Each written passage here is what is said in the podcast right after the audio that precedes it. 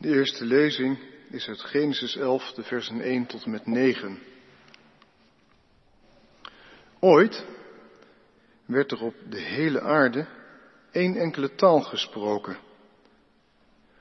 Toen de mensen in oostelijke richting trokken, kwamen ze in Siniar bij een vlakte en daar vestigden ze zich. Ze zeiden tegen elkaar, laten we van klei blokken vormen en die goed bakken in het vuur. De kleiblokken gebruikten ze als stenen en aardpek als specie. Ze zeiden, laten we een stad bouwen met een toren die tot in de hemel reikt. Dat zal ons beroemd maken en zullen we niet over de hele aarde verspreid raken. Maar toen daalde de Heer af om te kijken naar de stad en de toren die de mensen aan het bouwen waren. Dit is één volk en ze spreken allemaal één en dezelfde taal, dacht de Heer. En wat ze nu doen is nog maar het begin. Alles wat ze verder nog van plan zijn, ligt nu binnen hun bereik. Laten wij naar hen toe gaan en spraakverwarring onder hen teweeg brengen, zodat ze elkaar niet meer verstaan. De Heer verspreidde hen vandaar over de hele aarde en de bouw van de stad werd gestaakt. Zo komt het dat die stad Babel heet, want daar bracht de Heer verwarring in de taal die op de hele aarde gesproken werd en vandaar verspreidde hij de mensen over de hele aarde. De tweede lezing is handelingen, uit Handelingen 2, versen 1 tot en met 24. Toen de dag van het Pinksterfeest aanbrak, waren ze alle bij elkaar. Plotseling klonk er uit de hemel een geluid als van een hevige windvlaag, dat het huis waar ze zich bevonden geheel vulde. Er verschenen aan hen een soort vlammen, die zich als vuurtongen verspreidden en zich op ieder van hen neerzetten. En alle werden vervuld van de Heilige Geest en begonnen op luide toon te spreken in vreemde talen, zoals hun door de Geest werd ingegeven. In Jeruzalem woonden destijds vrome Joden die afkomstig waren uit ieder volk op aarde. Toen het geluid weer klonk, dromden ze samen en raakten ze geheel in verwarring, omdat ieder de apostelen en de andere leerlingen in zijn eigen taal hoorde spreken. Ze waren buiten zichzelf van verbazing en ze zeiden, het zijn toch allemaal Galileërs die daar spreken? Hoe kan het dan dat wij hen allemaal in onze eigen moedertaal horen? Parten en Mede en Elamieten, inwoners van Mesopotamië, Judea en Cappadocië, mensen uit Pontus en Azië, Frigië en Pamphylië, Egypte en de omgeving van Cyrene in Libië, en ook Joden uit Rome die zich hier gevestigd hebben, Joden en proselieten, mensen uit Kreta en Arabië. Wij alle horen hen in onze eigen taal spreken over Gods grote daden. Verbijsterd en geheel van hun stuk gebracht, vroegen ze aan elkaar, wat heeft dit toch te betekenen? Maar sommigen zeiden spottend, ze zullen wel dronken zijn. Daarop trad Petrus naar voren, samen met de elf andere apostelen, verhief zijn stem en sprak de menigte toe. U, Joden en inwoners van Jeruzalem, luister naar mijn woorden en neem ze ter harte. Deze mensen zijn niet dronken zoals u denkt. Het is immers pas derde uur na zonsopgang. Wat hier nu gebeurt, is aangekondigd door de profeet Joël. Aan het eind der tijden, zegt God, zal ik over alle mensen mijn geest uitgieten. Dan zullen jullie zonen en dochters profeteren. Jongeren zullen visioenen zien en oude mensen droomgezichten. Ja, over al mijn dienaren en dienaressen zal ik in die tijd mijn geest uitgieten, zodat ze zullen profeteren. Ik zal wonderen doen verschijnen aan de hemel boven en tekenen geven op de aarde beneden, bloed en vuur en rook. De zon zal veranderd worden in duisternis en de maan in bloed, voordat de grote stralende dag van de Heer komt. Dan zal ieder die de naam van de Heer aanroept, worden gered. Israëlieten, luister naar wat ik u zeg. Jezus uit Nazareth is door God tot u gezonden, hetgeen gebleken is uit de grote daden en de wonderen en tekenen die God, zoals u bekend is, door zijn toedoen onder u heeft verricht. Deze Jezus, die overeenkomstig Gods bedoeling en voorkennis is uitgeleverd, hebt u door de heidenen laten kruisigen en doden. God heeft hem echter tot leven gewekt en de last van de dood van hem afgenomen, want de dood kon zijn macht over hem niet behouden. Gisteravond waren wij getuigen van een groot spektakel in onze stad, het Songfestival. 26 landen streden om wie het beste lied gemaakt had. En over smaak valt niet te twisten, dus dat zullen we hier niet doen. Maar toch, het viel op in alle commentaren van iedereen dat het vaak gezegd werd. Muziek verbindt ons. Zo'n liedcontest, zo'n songcontest maakt ons één, verbindt ons in Europa, ondanks al onze verschillen in taal en cultuur. En dan nog ook met een thema, open up. Ik vond het een hele mooie opmaat naar Pinksteren. Open up. Open je. Open je naar boven. Open up to the Spirit, vullen wij in de kerk maar aan. In de lezingen van vanmiddag komen we ook deze eenheid en verscheidenheid tussen de volken tegen. Eerst in Genesis 11, waarin we lezen dat de mensheid een toren wil bouwen tot in de hemel. Een symbool van hun kracht en van hun eenheid.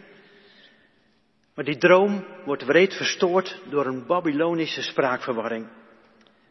Als mensen dezelfde taal niet meer spreken, dan is elkaar begrijpen ver te zoeken. Maar als een spiegel daarvan lazen we Handelingen 2, waar al die mensen met verschillende culturele achtergronden en talen opeens elkaar wel verstaan. Door de geest op de eerste Pinksterdag hoort ieder in dat bondgezelschap de boodschap van de apostelen en de mensen om hen heen in zijn eigen taal. Waar Genesis 11 God mensen in verwarring bracht, brengt de geest van God in Handelingen 2 de eenheid. Ze luisteren naar geboren Galileërs, maar ieder hoort hen spreken in zijn eigen taal over de grote daden van God. Is het een spreekwonder? Spraken de leerlingen opeens een bijzondere taal of is het een hoorwonder? Vertaalt de geest simultaan voor elk van de hoorders. Hoe het ook zij, alle diversiteit in taal en cultuur wordt overbrugd door de geest van God.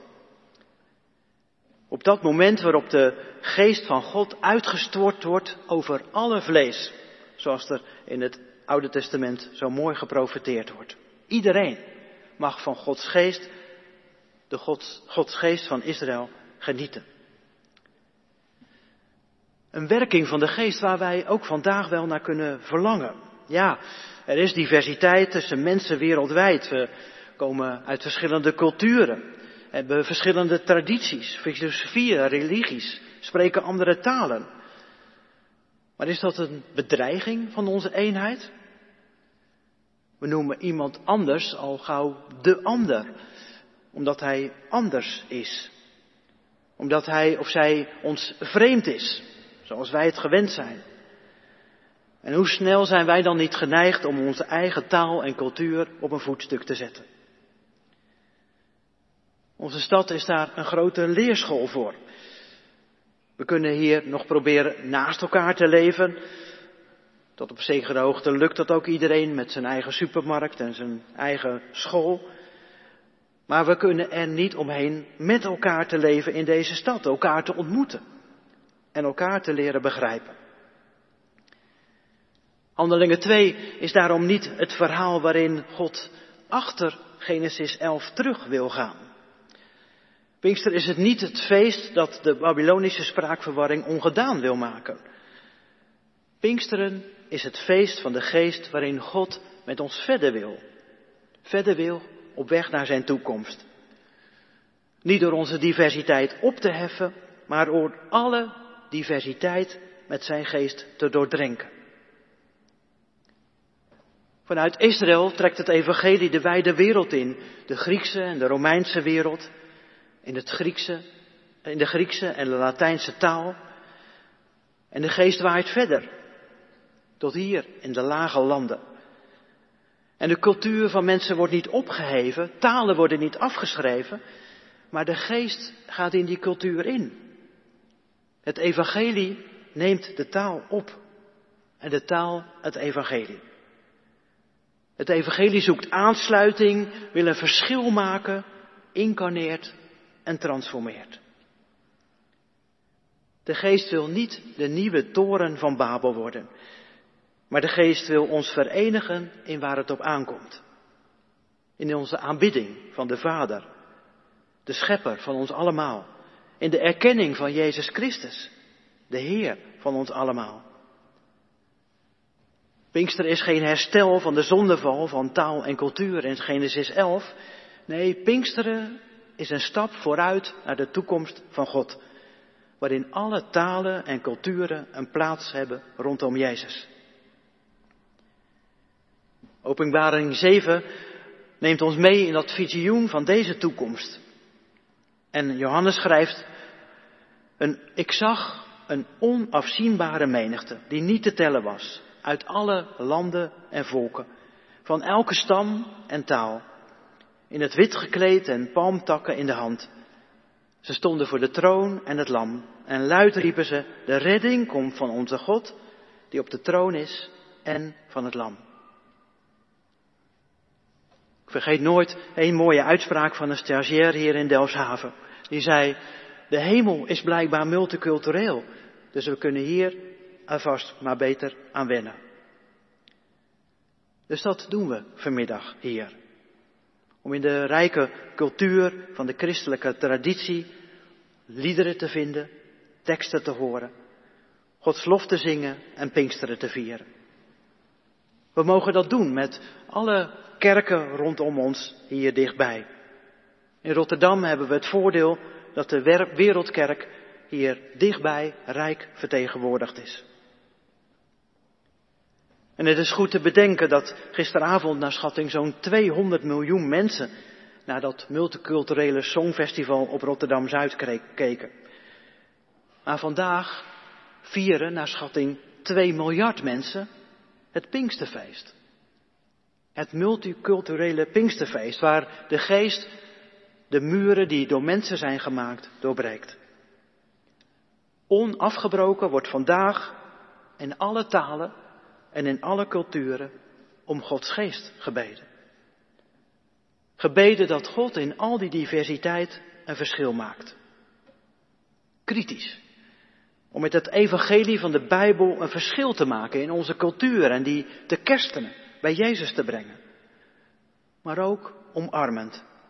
Om in elke taal woorden te vinden voor die grote daden van God. En zo wil de geest ook ons inspireren en transformeren. Niet om ons als een eenheidsworst op te nemen in zijn volk, maar ons op te nemen in zijn hemelse diversiteit. Waar de drie enige God de eenheid en het centrum is. Amen.